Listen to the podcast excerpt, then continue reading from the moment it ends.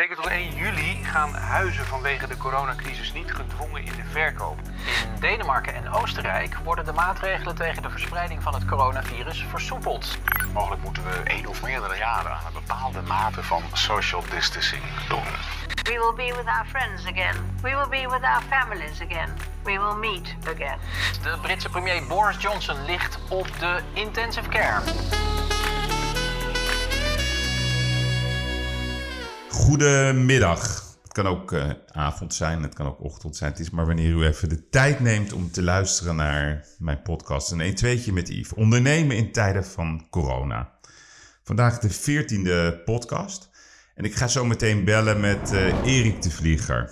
Die uh, heeft een waanzinnig mooie vastgoedimperium weer opgebouwd in Portugal aan de Algarve. Vanuit het niets.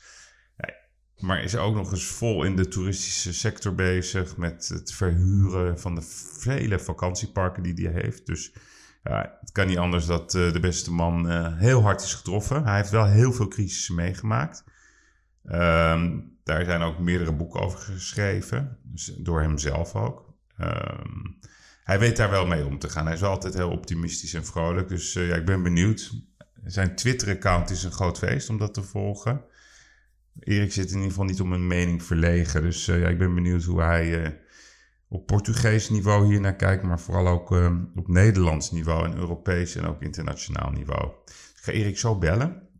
En ik had gisteren Arjen Paardenkoper aan de lijn, advocaat bij Blenheim, breed georiënteerd. Ik was toch wel heel benieuwd hoe hij naar, naar, naar, de hele crisis kijkt. Want ja, het solidariteitsgevoel wat er de eerste maand was de angst is toch wel aanwezig dat dat gaat omslaan. Uh, omdat ondernemers in problemen komen. Er zijn natuurlijk heel veel verschillende belangen. Sommige mensen raakt de crisis helemaal niet. Die denken, ja, heerlijk. Uh, ook heel veel werknemers van talloze bedrijven. Die hebben nog nooit zoveel vrije tijd gehad. Die voelen de pijn nog niet. Um, daarnaast heb je ook de bedrijven die gewoon het prima doen in deze crisis. Het is er gegund. Je, hebt ook de politiek die er anders in staat, de media die er anders in staan. Ja, de, kleinere groep ondernemers uh, die, die met hart en ziel hun bedrijf heeft opgebouwd, die voelt de pijn wel degelijk. Dus ja, de verwachting is uh, veel uh, rechtszaken. De rechtbanken zijn nog niet open. Ik vroeg Arjen, is er überhaupt corona-correspondentie? nou, hij het had het over één zaak van de Hoge Raad. Maar er gaan natuurlijk heel veel vragen komen over huurverplichtingen, ja of nee. Over dingen die de overheid heeft gezegd, ja of nee. Dus ja, drukke tijden voor de advocatuur. En dat lijkt me ook weer niet de bedoeling. In ieder geval, ik vond het een hele noemenswaardige podcast. En ik ga nu bellen met, uh, met Erik. Erik is ook mijn vriend. Wij bellen elkaar altijd als het moeilijk is. Dus dat ga ik nu weer doen. Goedemorgen. Erik, goedemorgen. We zijn, we zijn gelijk online, hè? Goed zo. Dus, Wordt er uh, opgenomen? Ja, dus soms zeggen mensen dan moet ik nu op mijn woorden letten, maar dat hoef jij niet, want jij bent volgens mij nooit echt een man die daarop let. Nee, maar het geluid is goed, Yves? Ja, ja. Oké, nou ja, goed. Ik sta Zit je in de lekker? tuin. Sta je Ja, in de ik sta tuin? in de- Ik sta in de tuin in Portugal. Het is een beetje, beetje mistig, maar het gaat beter worden. Maar je weet, onze, onze podcasts, onze gesprekken zijn altijd heel compact. Want wij vinden dat we iets moeten leveren aan de luisteraars. Ja, Dus voordat, ehm, en ik wil het initiatief niet af- afpakken, maar ik wil Jawel. wel, we gaan natuurlijk over de corona praten. Onder andere en alle gevolgen. Ik heb, ik heb wel een soort opening statement te maken. Kijk, oh, ja. Ehm, we hebben, we hebben een, een, een drieënhalf week geleden hebben we eh, onze minister-president op televisie gehad. En ik heb dat gisteravond teruggelezen en een beetje teruggekeken. En die heeft in zijn speech heeft hij, eh, groepsimmuniteit eh, zeg maar, geïntroduceerd. Waarbij tien dagen later dat eigenlijk in een soort halve lockdown is gekomen. En toen zijn we naar een intelligente lockdown gekomen. Die speech, die heb ik gezien. En dat is krankzinnig. Ehm, ik, ik, ik, ik vind ook dat de cijfers van Nederland, terwijl er cijfers zijn van de coronadoden die niet worden vermeld, daar heeft de CBS ook over verteld. Nederland staat in de top 4 van het hoogste aantal doden per hoofd van de bevolking. En ik heb daarna, toen die speech kwam, heb ik de op ene DWDD, Jinek, een Nieuwsuur en de dag daarna één Vandaag en WNL gezien. En daar werd, daar werd hij vereerd als de grote leider die het allemaal wel doet. Dat houdt dus in dat wij bijvoorbeeld geen kritiek meer mogen hebben op Turken die blind achter Erdogan aanlopen, want daar verbazen we ons altijd zo over. Wij zijn precies hetzelfde. Dat Rutte zichzelf op basis van de gegevens van de RIVM heeft gecorrigeerd binnen een week of tien dagen, daar horen we niks over. Dat is één. Ten tweede, wij als ondernemers, we gaan natuurlijk over, um, over de impact op, op, op ons ondernemers en daardoor ook op onze personeelsleden praten. Maar de signalen die ik nu krijg. Kijk, de Nederlander, die iedereen denkt maar gewoon, en iedereen vindt dat ze het recht hebben dat 90% van de salarissen door de overheid betaald moeten worden. Dat alles overeind moet gaan, eh, blijven houden. Ja, dat is natuurlijk allemaal hartstikke leuk, want we willen toiletpapier in de supermarkten hebben. Maar dat is natuurlijk een sprookje. Omdat het geld wat erbij gedrukt moet worden, eh, wat gecreëerd moet worden, wat iedereen denkt dat we maar het gewoon makkelijk kunnen doen, die zogenaamde geldpers aanzetten, daar gaat natuurlijk uiteindelijk een hele grote crisis uit voortkomen. Dat kan niet anders. Mm En ik wil natuurlijk heel graag, ik ben zelf ondernemer, ik, ik heb 250 man in dienst, ik heb er 150 op een soort AT5 kunnen krijgen. En die krijgen dan twee derde vergoed. En dan vergoeden wij nog een klein beetje bij uit loyaliteit. Hmm. Gewoon loyaliteit. En omdat we ook met die mensen geld verdiend hebben in het verleden. Dus mag je ook wel een klein beetje terugdoen. Maar dat gaat natuurlijk op een zodanige manier dat, dat, dat mensen maar denken dat de overheid dat moet doen. Dat gaat natuurlijk fout. Dan komt er ook nog eens bovenop die Italianen, de Portugezen en, en, en die Spanjaarden, die ons, en ik, even, wat ik hier in de kranten lees over de Hollanders, ze haten ons, zeker in de financiële wereld, de economen die columns schrijven. Wij zijn, ik heb zaterdag gelezen, wij hebben uh, wij zijn een, een, een nietszeggend volk. Die alleen maar Johan Cruijff en een krankzinnige schilder die Van Gogh heet hebben voortgebracht. We hebben geen componisten voortgebracht. We hebben geen belangrijke schrijvers voortgebracht. Het enige wat we gedaan hebben is geld verdiend aan arme Zuid-Europeanen. Dat komt erop neer. Hm. Die mensen die we in 2000. Ja, dat is echt. In mensen die we, ik heb op Twitter met Italianen ook hele gevechten. Die mensen hebben in 2008 hun hele begroting niet op orde gehad. Toen kwam de kredietcrisis. Toen hebben we allemaal geld gestort. Allemaal, allemaal, allemaal gedaan. Nederland is toch een beetje minder uit gaan geven dan er binnenkwam. Op een, een of andere manier. Maar die gasten in Zuid-Europa, die zijn glashard doorgegaan. Als er tien binnenkwam, ging er twaalf uit.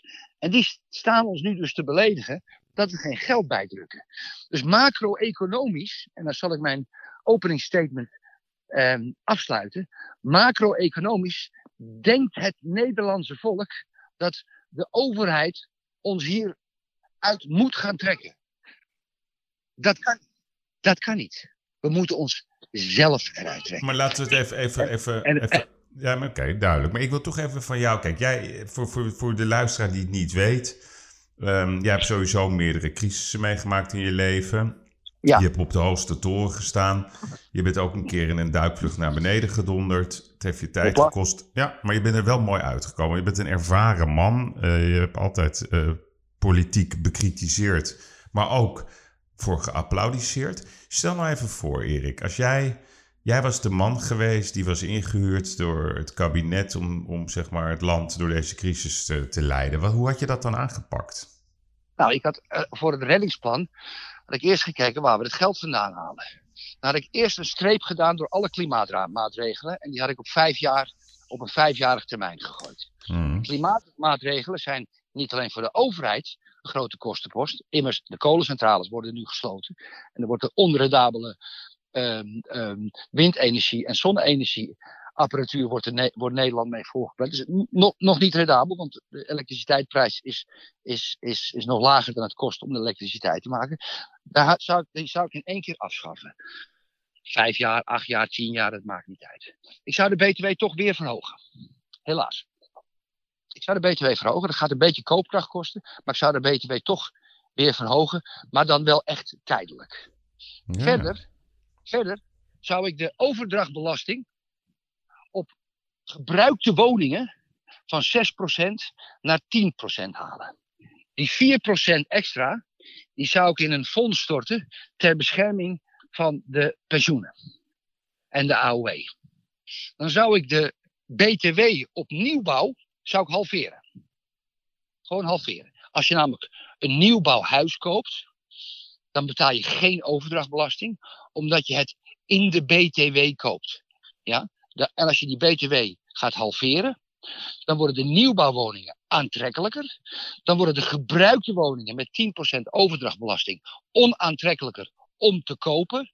En dan ga je automatisch, ga je die bouw, want de bouw is gewoon de motor, punt.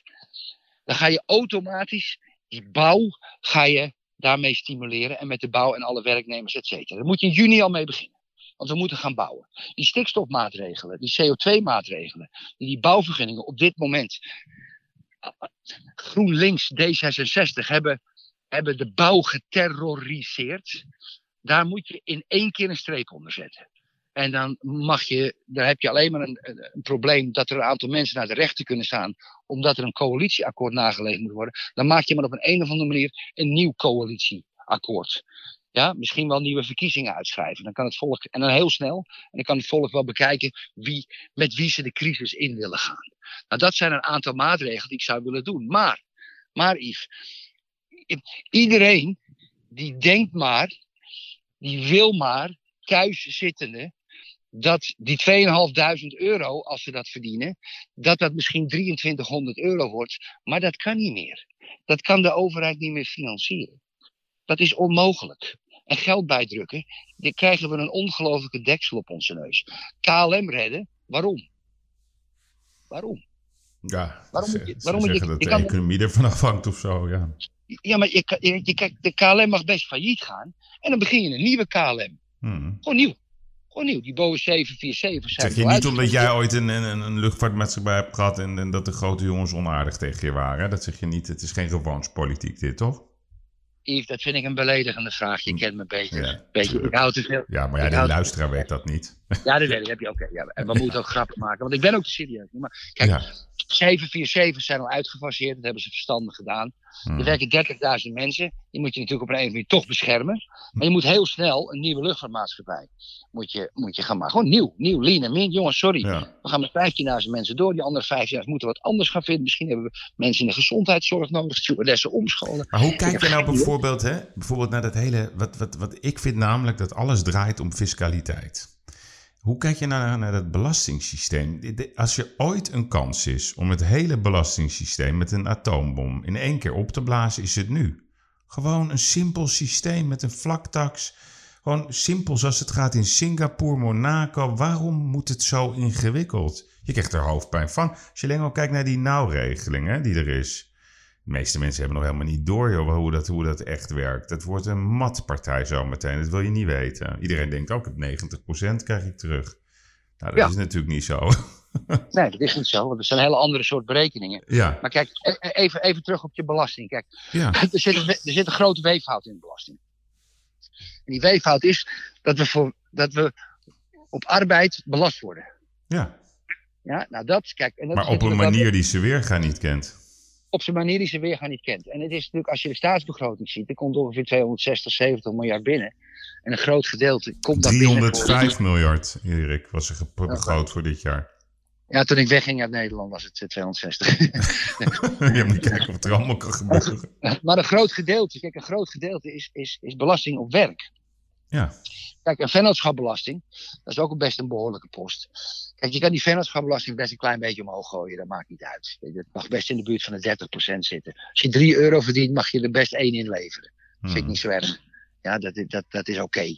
Ja, maar, maar dat je, kijk, eh, eh, ondernemen, wij zijn ondernemers.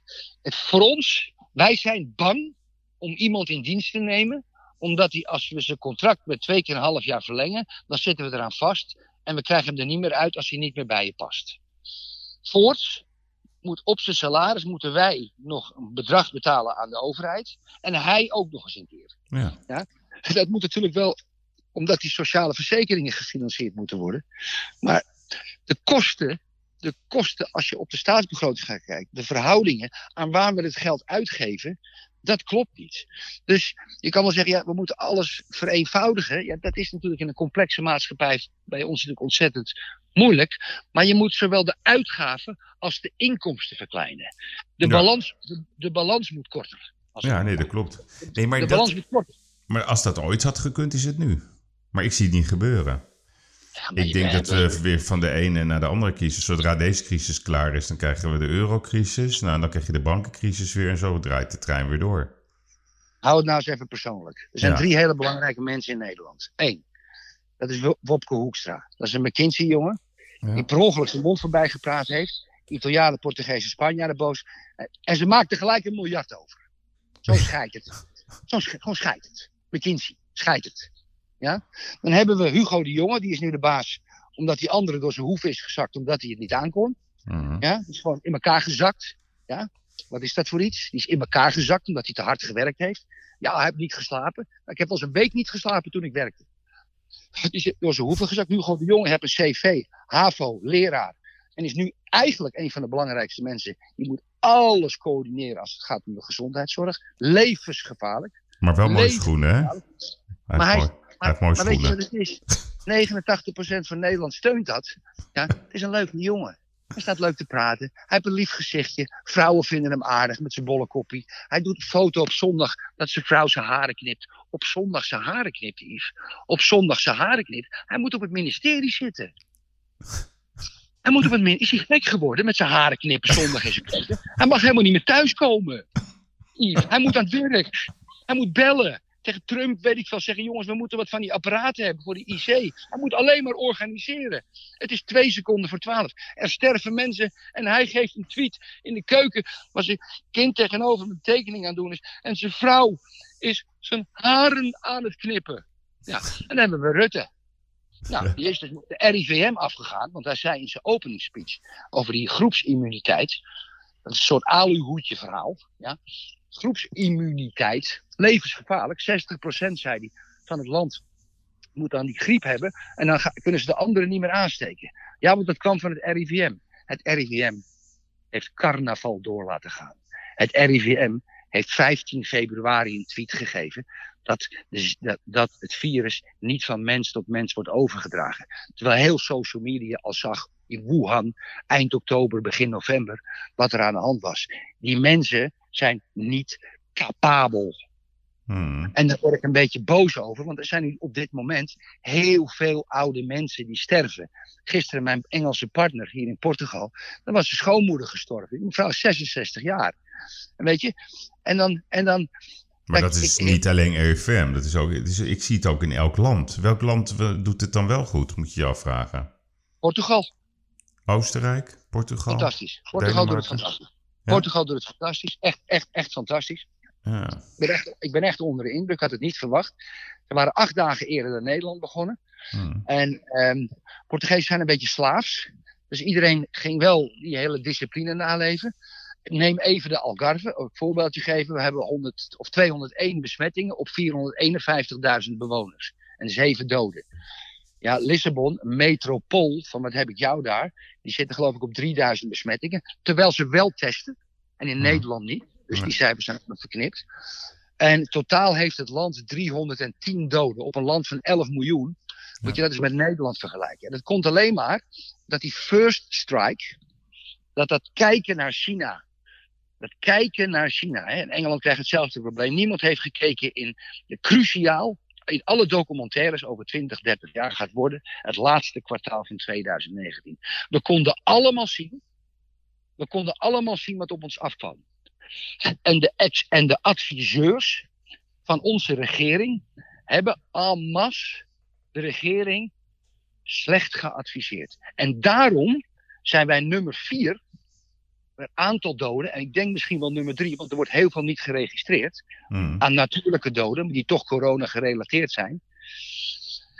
Wij zijn nummer vier per hoofd van de bevolking aan te sterfgevallen. En nou ben ik het met je eens, of met iedereen eens, is dat Erik, doe nou eens even rustig. Ga nou niet lopen tieren en schelden, maar ik heb, jij geeft me een podium. En laten we nou de mensen die het. We moeten nu kanten bewaren, dat is sowieso. Maar Wat moeten we?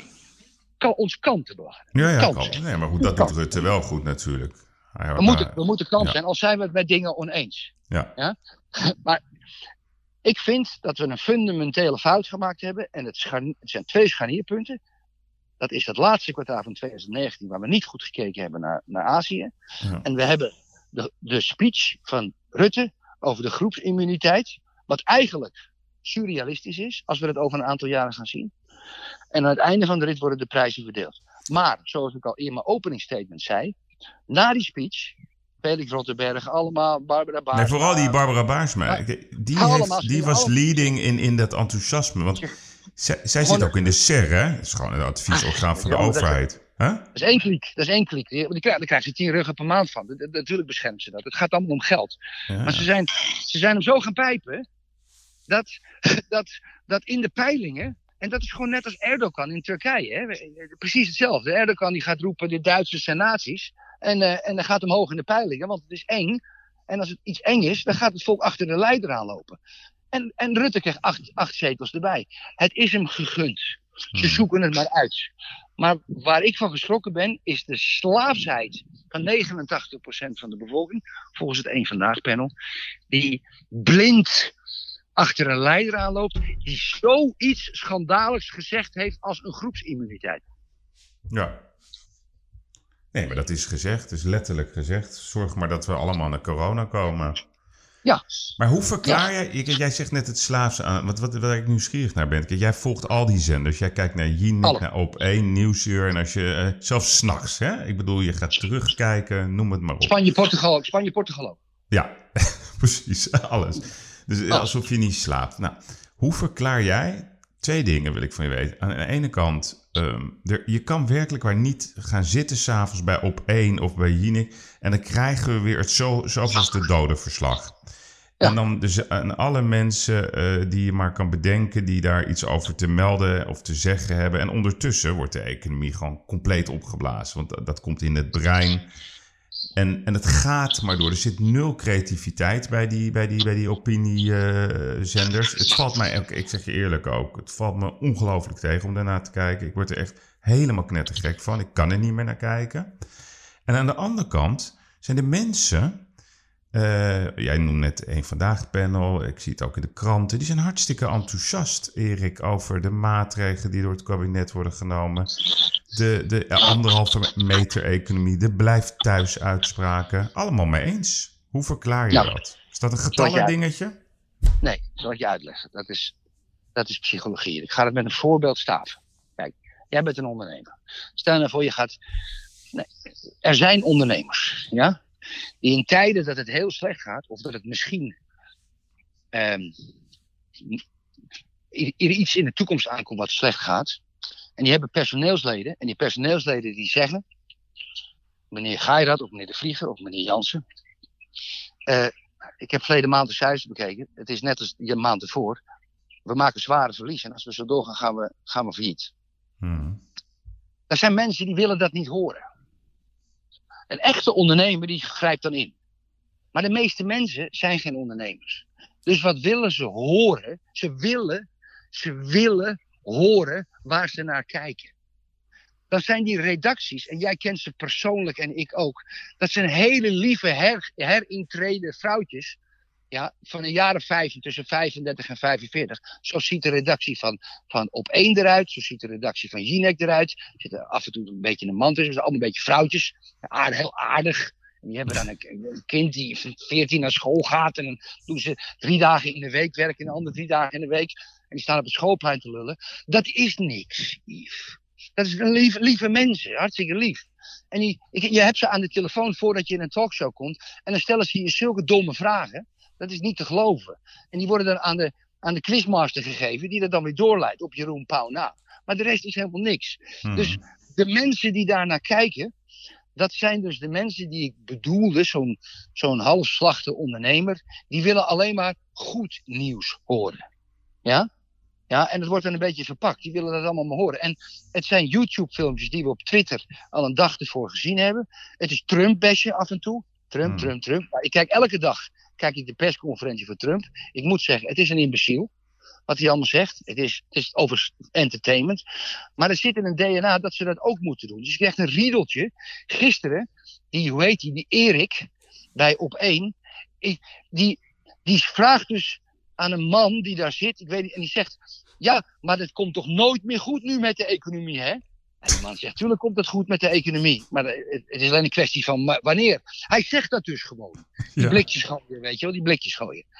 Ja, die gast, die gast, die weet helemaal niks. Die komt van unie, ergens van school van, van, uit Twente. En die hebben een beetje een praatje en een act en een stem. Maar die weet helemaal niks. En dan moeten dus een miljoen Nederlanders hun mening op baseren. Hmm. Ja, dat, dat, is, dat is onbegonnen werk. Daarom is 89% ook zo blij met Rutte op het moment. En 11%. Nee, maar dat is wel interessant. Kijk, dit is, aan de ene kant heb je op één, maar ook dat M met, met hoe heet ze, van, van der Linden. Dat vind ik toch een iets ander level als uh, Matthijs van Nieuwkerk. ik kan er gewoon niet meer naar kijken. Joh. Het is wel publiek geld.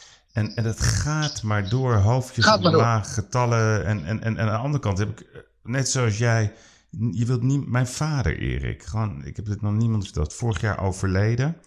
Uh, zoals je weet, uh, in, in, in de, zat in een verpleeghuis in Hoofddorp. Op zijn afdeling was een virus. Nou, dus dat ging heel snel, longontsteking, helaas, klaar. Dus ik zeg op een gegeven moment, jongens, maar dit kwam zo snel. En uh, met die virus, ja, Yves zegt, ja, dit gebeurt het hele jaar door. Alle verzorgingshuizen in Nederland.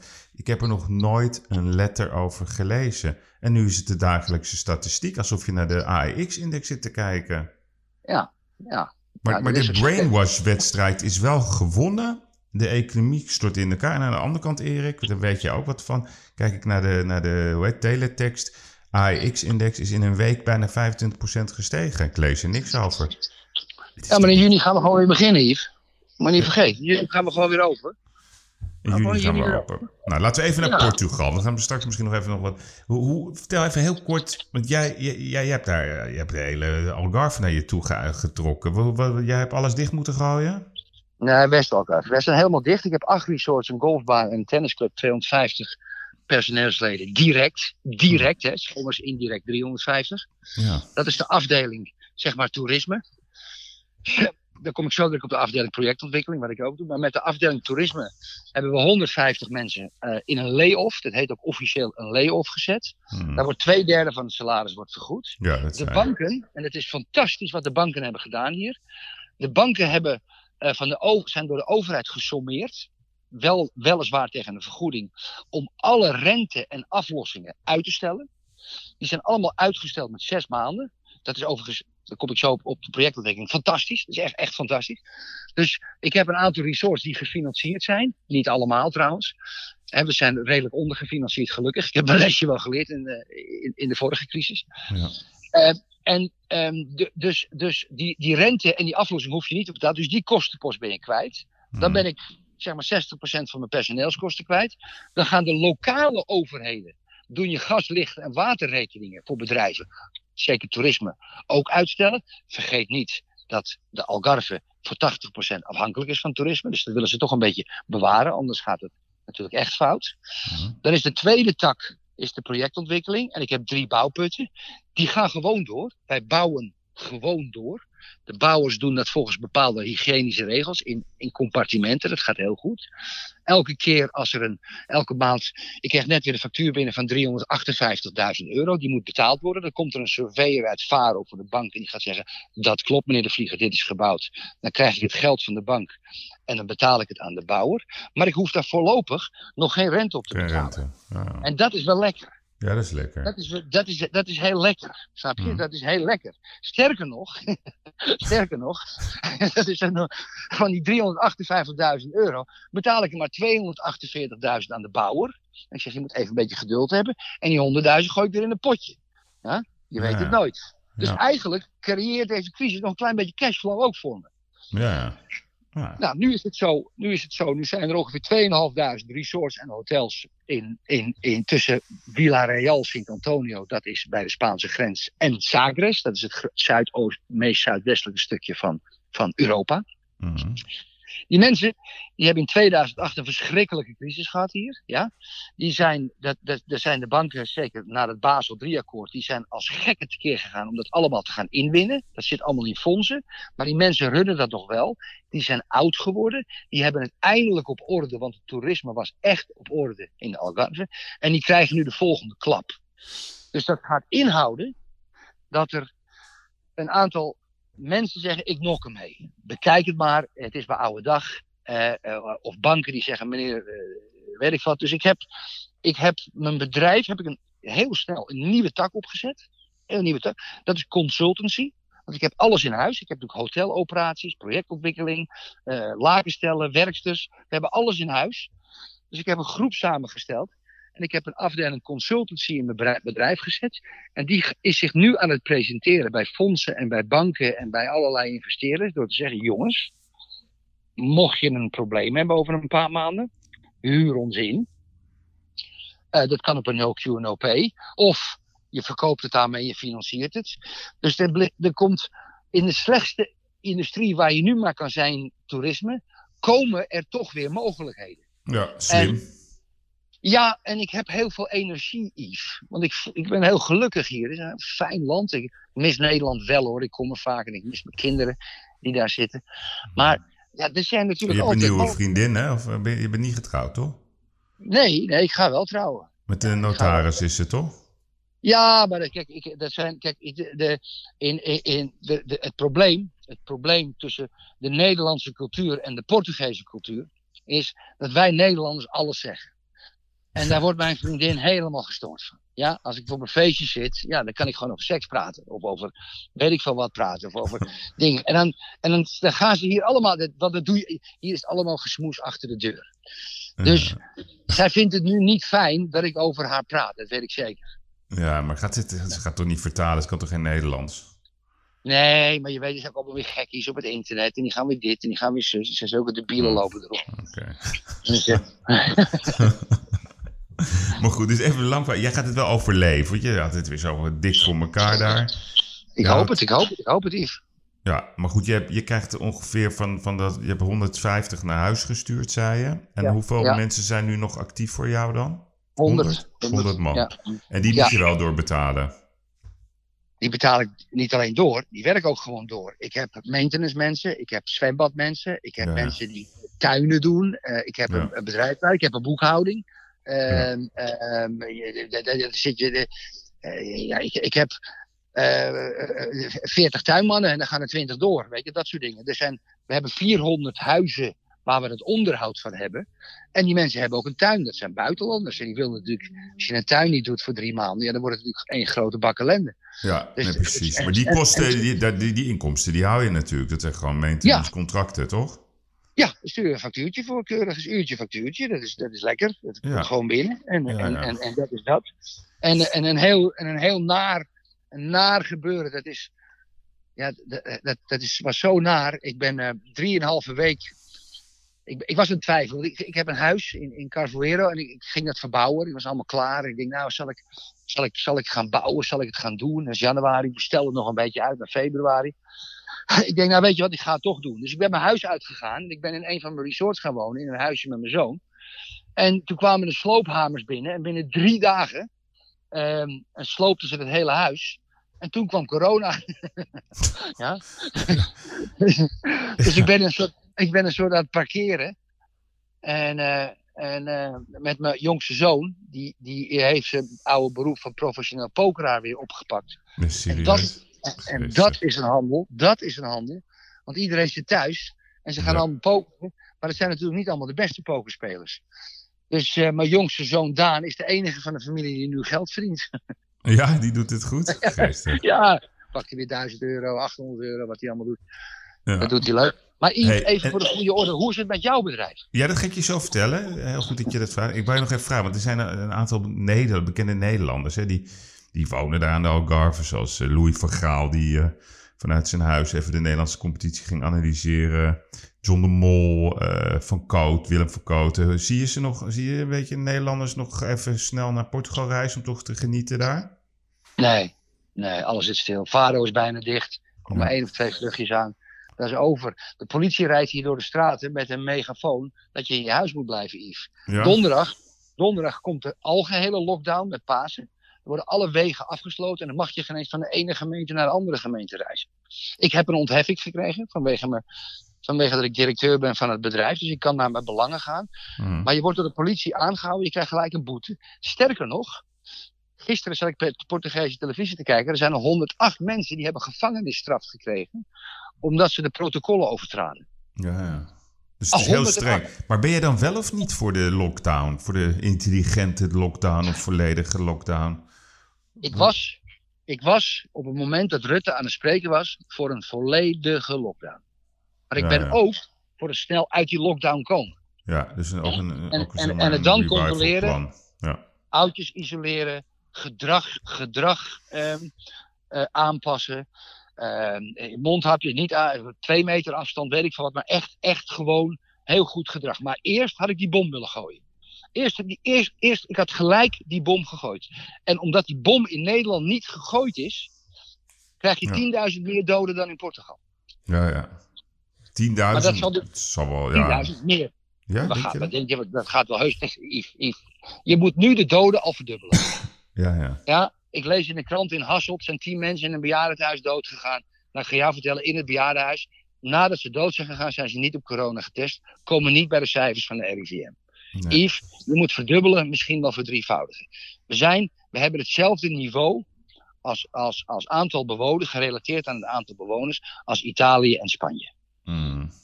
Ja, maar onze, onze, onze IC-bedden, onze ziekenhuizen zijn fantastisch. hebben Ja. we goed gedaan. Terwijl we minder IC-bedden hadden, hebben ze het heel goed, heel goed hebben ze aangepast. Want onze gezondheidszorg, dat zijn natuurlijk... Iedereen die in de gezondheidszorg werkt, heeft een goed hart. Punt. Ja, nou, dat ben ik met je eens. Iedereen. Anders ga je daar niet werken, anders ga je dat niet doen. Hey, ja, hoe gaat het met mij, vroeg je? Ja, Eh, dat- ik vind het moeilijk. Ik, de, de ene dag vind ik dit, de andere dag vind ik dat. Kijk, als ondernemer wil je duidelijkheid. Je wil je verlies pakken en dan weer doorschakelen. hè. Eh, voor wie het niet weet, we hebben vaak gesprekken gehad. Toen zei je ooit, eh, toen ik een keer die val had, jij zei tegen mij toen, ja, ik had er zeven jaar voor nodig en jij een dag. Hè, weet Ja. je nog dat je dat zei? En, en, en nu zei Ja. ik, van de week zei ik tegen jou, ik heb nu drie dagen nodig gehad. Omdat Maar hoe ik, zit het dan met je adverteerders? Wat zeg je dan? ja, nou ja, wij praten gewoon. Ik, ik doe wat jij ook doet. Hè? Dus eh, continu bellen. Hoe gaat het met je? Gewoon Ja. brancheinformatie verzamelen. Ik wil, ben geïnteresseerd. Ik bel de hele wereld over. Ik bel met, met, met, met merken, met, met bedrijven. Ik wil cijfers weten. Ik wil statistiek. Ik ben op zoek naar het Ja. verhaal natuurlijk. Ja. Ja, Ja. en de, de rode draad die ik wel voel is dat, dat, dat, dat de regie wordt gemist. Dus, dus gewoon een heel hard plan. Ik denk dat niemand daar moeite mee heeft. Maar men wil vooral ook eh, ja, zeg maar het verhaal na corona.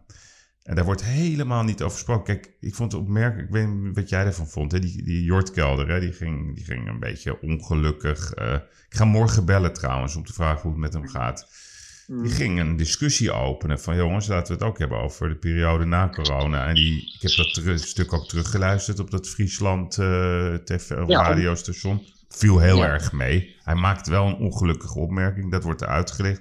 Hij wordt vernietigd. Hij wordt vernietigd op Twitter. Maar, maar wat vind jij van zijn gedachte van jongens, laten we nu ook eens een keer een, een soort groep formeren die over de periode na corona gaat nadenken? Dat Nou, is ik, heb daar, ik, heb daar, ik heb daar heel goed over nagedacht. En ik Ja. heb daar ook op Twitter mijn eh, gedachtegang over gepubliceerd. Er zijn twee dingen die ik eruit wil halen over wat hij gezegd heeft. En die Hmm, vind ik allebei kwalijk. Heel kwalijk. Oké. Eerst is, hij vond dat hij het recht had om op Terschelling te blijven en heen en weer te reizen naar Amsterdam, omdat hij veel belasting betaalt. Letterlijk. Ja, letterlijk. Nou, dus onhandig. ik, ik zie mij al naar een ziekenhuis gaan en zeg, wilt u mij eerder helpen, want ik betaal een hogere premie. Ja, ja, ja. Als je dat doet, dat is eh, dom, dom, dom. Laat ik het op dom houden, want anders is het kwaadaardig. En Jort is geen kwaadaardige jongen. Nee. Vervolgens is het zo, kijk, een land. Wij moeten dus maar keuzes maken. Een oude man die gerookt heeft en die dik is, die moet dan maar dood en plaatsmaken voor iemand van 40. Nou, ik ga jou vertellen, als je hier toch zo over belasting hebt, meneer Jort Kelder. Die oude man van 80, die heeft waarschijnlijk drie keer zoveel belasting betaald. En harder gewerkt trouwens ook nog, naoorlogse man, ja, dan die man of die vrouw van 40 die in die plaats moet komen. Dat is een kwalijke, onbeschaafde opmerking. Zo gaan we niet met elkaar om. Gaan we, Want iedereen, ja, want die heeft dan maar twee jaar te leven. Hoe bedoel je twee jaar te leven? Wie maakt dat uit? De statistieken van de verzekeringsmaatschappij? Mhm. Dat vind ik een kwalijke opmerking. Ik vind het een foute gedachtegang. En ik wil er nog bij opmerken, als ik die twee opmerkingen van hem combineer en daar dieper over nadenk, dat Jort voor mij ehm, niet afgedaan hebt, maar ik heb een veel mindere mening, net als die Sander Schimmelpennik die zijn plaats heeft overgenomen, een veel mindere mening over dat soort capsones, die wel eens even bepalen wie er wel en wie er niet mag leven. Mhm. Ik vind dat onbeschaafd in de regels die wij met z'n allen in Nederland hebben afgesproken. Oké, dat is vrij duidelijk dit. En, en de gedachte om de discussie daarna. Om de economie. Wat hij Luister, zegt, hoe wij gaan we moeten, die discussie, wij moeten die discussie helemaal niet voeren over dood en leven. Wij hebben, een, wij hebben heel hoog gekwalificeerde medische mensen met een heel goed hart, die op basis van allerlei factoren, gegevens, een, een gewogen afweging doen, een afgewogen mening hebben over wie wel en wie niet. Dat moet je aan die mensen overlaten. Die zijn er één voor opgeleid.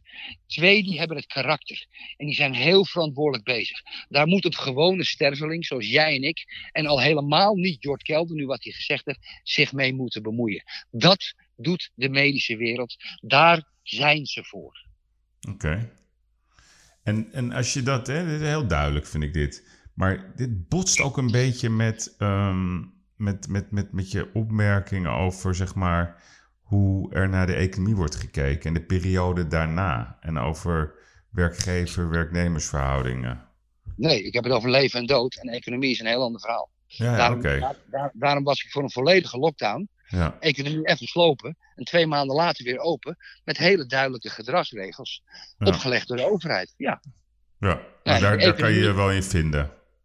Ja, ja, de economie. Kijk, je, je, je, kijk, de economie is net de natuur. Ja? Hmm. Dat, je, je moet ook dingen zijn natuurlijke beloop laten hebben. Ja. Dat, dat natuurlijk niet. Je moet de gezondheidszorg niet privatiseren. Dat blijkt wel weer. Maar je moet. Kijk, kijk, wat, wat, je onnatuurlijk, wat je onnatuurlijk laat leven, gaat toch dood. Ja, Dus, dus je moet bereid zijn. Maar het probleem is, wat doodgaat, daar werken mensen. En die mensen, die, zijn, ja, die hebben ook een hypotheek en dingen. Dus dat is ontzettend moeilijk. ja. Ja, het is, dat is ontzettend moeilijk. Maar we moeten, je moet, kijk, kijk het, het probleem is dat de politici, en volgend jaar zijn er weer verkiezingen, zich geliefd willen maken. Maar je moet, je, je, je, weet je, net als een bedrijf, een bedrijf is geen democratie. Hmm. Dat Nee, maar dat is als- duidelijk. als iemand een betere mening heeft, mag ze het ze zeggen. Maar Ja. voor de rest moeten ze echt, gewoon zeker nu, hun bek houden. En doen wat ik zeg. En als je het beter weet, mag je het me vertellen. En dan doen we het misschien. Dat maakt niet uit. Maar in de politiek is het natuurlijk, ja, op televisie. En al die stomme journalisten. Ja, er is een Joost Oranje van Nieuwsuur die allemaal gelinkt zijn met NRC. En het hebben allemaal vriendjes bij D66 en binnen de VVD. Dat gaat elkaar niet bijten. Dus je krijgt alleen maar van die, van die half zachte maatregelen. En ja, de democratie is natuurlijk de minst slechtste staatsvorm die we hebben, dus daar mogen we niet voor af. Maar ja, weet je, ik had wel een keer al gewild, ik gezegd, jongens, jongens, even allemaal je bek houden. dit, dit gaan we doen. En ik wil niet herkozen worden, maar ik zit er nog tot volgend jaar. Kijk, als Rutte nou zegt, ik word niet herkozen, en die gaat de meest draconische maatregelen nemen. Sterker nog, als hij dat doet, worden we, worden we leidend in Europa. Leidend. Want je kan ook alle industrie naar je toe pakken. Ja, Ja. Je kan ook infrastructurele werken gaan aanpakken in één keer. Boom. Weet je, ja, je hoeft Schiphol de Noordzee te gaan bouwen. Ja. Maar je kan keiharde maatregelen nemen. Russisch model. iedereen zegt, "Ja, je verliest je baan, maar je houdt te eten. En, en er komt een situatie dat je weer kan solliciteren bij een goed bedrijf. Maar dat doen ze niet, omdat ze herkozen willen worden. En als je dan op zo'n gezondheidszorg, zo'n man met die schoenen en het bolle koppie. En, en, en, en met zijn HAVO-diplomaatje. Luister, ik heb ook een HAVO-diploma, maar ik ben geen minister. Dat, dat, is, dat is allemaal halfbakken. Ze, ze durven niet. Het zijn watjes. Een personeelschef van, van Unilever was Rutte. Een personeelschef. Kom nou. Duidelijk, Erik. Ja, dat je een dwarse denker eh, bent, was dat. Het was alweer duidelijk. Ik Hey, hou van Nederland. Ik hou enorm Ja. van Nederland. Ik ben misschien een beetje hyper nu. Want ik, ben, ik, ben daar, ik heb En- er goed hoe- over hoe- nagedacht. Ja, en hoe volg je als Amsterdammer, zeg maar, eh, Femke? Ja, zie- maar Femke, dat heb je niet, hè? Eh, eh, Maar, maar- luister nou, dat is een meisje uit Doetinchem. Die een goede act had met een geslis. Die, die geparachuteerd was door, door Rutger Groot-Wassing. eh, eh, omdat er een GroenLinks burgemeester moest komen. En die kan het allemaal leuk vertellen, maar dat is niks, Yves. Hm. Dat is niks. Met een borreltje drinken. Dat, dat, dat is niks. Ja, dat, is- zei ze. dat- ja, dat we allemaal een borreltje. En toen werden die avond de horeca... En vrijdag zei ze dat. En toen werd zondagavond de Ja. hele horeca gesloten, ja. Heel de horeca gesloten, weet je. Kijk, als je dat soort... En als, en als dat soort debielen... Debielen, laat, ik- laat, ik nou- laat ik Ja. nou netjes blijven. Netjes Maar als dat, soort, als dat soort gesprekken niet genadeloos afgestraft worden door de media, door die jongetjes van het Parool. Dat zijn ook allemaal GroenLinks D66 jongetjes die daar op die redactie werken. Die allemaal politieke correct is. En als Wieber van Haga toevallig een huurder zegt dat hij op moet rotten, dan wordt hij helemaal geslacht. Ja? Door één huurder gaat een beetje. En, ja, en dan mag Femke Halsen de meest ongelooflijke domme dingen veroorzaken omdat ze allemaal van dezelfde bloedgroep zijn. Want ze verdienen allemaal hun salaris eraan. Want ze kunnen niet beter. Zijn geen ondernemers, maar ze hebben een salaris. Dus ze kakelen allemaal hetzelfde. En ja, Yves, dat, dat heb ik al opgegeven. Nee, Die, die onzin. Dat heb ik opgegeven, die onzin. Dat gaan we niet meer veranderen. We gaan het nog even gezellig afsluiten. Ehm je hebt natuurlijk eh, een hele waslijst aan crisissen meegemaakt. Ja, ik, ga het volgende... Iedereen, nee, maar wacht. Ik vraag iedereen altijd een tip. De tip van de dag. Wat is nou jouw tip voor ondernemers, jonge managers? Hoe kom je het beste uit zo'n crisis? Niks betalen. Meen je dat nou?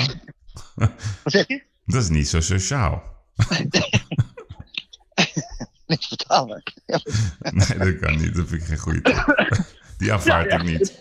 Dat bedenk je, ik wil het, kijk, je moet natuurlijk verder denken. Maar je, kijk, ik, eh, eh, eh, kijk la- laat ik, laat ik, ik heb in vier weken tijd samen met mijn partner, Zwitserse partner en Zwitserse CEO, die hebben het meeste werk gedaan, dat moet ik ze nageven, hebben we ons bedrijf gered. Ja. Voor dit jaar. Laat ik het dit jaar houden. Kijk, als het, als, het, als het hele jaar geen toerisme komt en in januari, ja, dan werk ik niet, dan, sluit ik die tent, denk ik. Ja? Dan pak ik mijn verlies en dan loop ik weg. Ja. Dus, dus het eerste wat je moet doen is overleven. Nou, overleven, ja, het woord zegt het al, is overleven, niet doodgaan. Hmm. En om niet dood te gaan, als je kanker hebt, krijg je chemo. Ja? Om niet dood te gaan, moet je keiharde maatregelen nemen. Helaas, pindakaas. Dat kan niet anders. En als je het niet doet, ja, en daarom zeg ik niet betalen, en we hebben een smile over. Maar als je het niet doet, je moet ook wel loyaal blijven. Je kan een, er kan een leverancier zijn waar je altijd goed mee gewerkt hebt. Zegt, Erik, ik heb ook geld nodig. Ja, jongen, ik ga je de helft geven. Ja? En als je dat eenmaal voor elkaar hebt, dan kom je in een hele unieke situatie. Want dan heb je je hoofd vrij om te gaan denken in de toekomst. Hmm. Wat gaat er gebeuren in het speelveld waarin ik actief ben? En dan kan je voor een paar centjes misschien bepaalde posities nemen. Of partnerships aangaan. Of een bedrijf wat moeilijk is even helpen en zeggen... nou, ik wil wel een kwart van je aandelen hebben. Je kan natuurlijk nu wel schakelen. Dat is mijn advies. Ja, Wat ik zo direct ga doen... Wat ik zo direct ga doen... Kijk, ik heb hekel aan onloyale mensen. Ik heb heb je hekel aan? hekel aan onloyale mensen. Ja, dus ik, werk disloyaal. met- Ja, ik, heb ik werk met een aantal banken. En een van die banken... Ik zeg, kan je eventjes... Ik geef ik een e-mail. Ik zeg, kan je even 1500 euro overmaken vrijdag? Hij zegt, ja, dan moet je op, op komen. Want dat werkt je niet met die betaalding van die kaart. Hij zegt, dan moet je even komen. Want je moet een for- formulier ondertekenen. Man, ik ben 14 jaar, ben ik bankier bij, allemaal op de mail. ik zeg, maak even die 1500 euro over voor het weekend, want dat heb ik die man beloofd. Dat heeft hij niet gedaan. Oeh. Dat heeft hij niet gedaan. Want hij vindt dat ik een formulier moet ondertekenen. Ik ga er nu naartoe. Ik heb een mail gegeven gisteren. Ik kan een afspraak maken om 11 uur. Ja? Ik ga de relatie opzeggen. Hmm. Ik heb daar vier bankrekeningen. Op een van die bankrekeningen staat toch 3,5 ton ook. Ik ga het allemaal weghalen. En dan ga ik hem zo vertellen. Daar heb ik zin in. Ja, dat is, zo ken ik jou ook. Ja, Daar verheug je je ook, ook op. Ik verheug me erop. Ik heb mondkapjes. Want mijn lieve broer heeft mondkapjes uit Nederland gestuurd. Die kon ik hier niet kopen. Ja. Dus ik doe een mondkapje op. En eh, ja, voor de rest, ik hou van je. En, eh, Maak er een filmpje van, Erik. Dan zie je kerel zo onder zijn bureau liggen. ja, ik zal, ik zal hem niet delen. Hey, nou, Poeta! Poeta! poeta, poeta. Ja, mooi. Nou, mooi Erik. Leuk. Gezellig. Ja, nou, jij ook succes. We komen er wel uit. binnenkort, een- binnenkort nog een mediabedrijf te kopen hier in Algarve met allemaal magazines. Als je, Oh. als je zin hebt. Oké, kom wel even kijken. Lijkt me Ja. goed. Oké, Erik, Oh, sir. Dankjewel hè. Het was leuk. Bedankt. Hoi.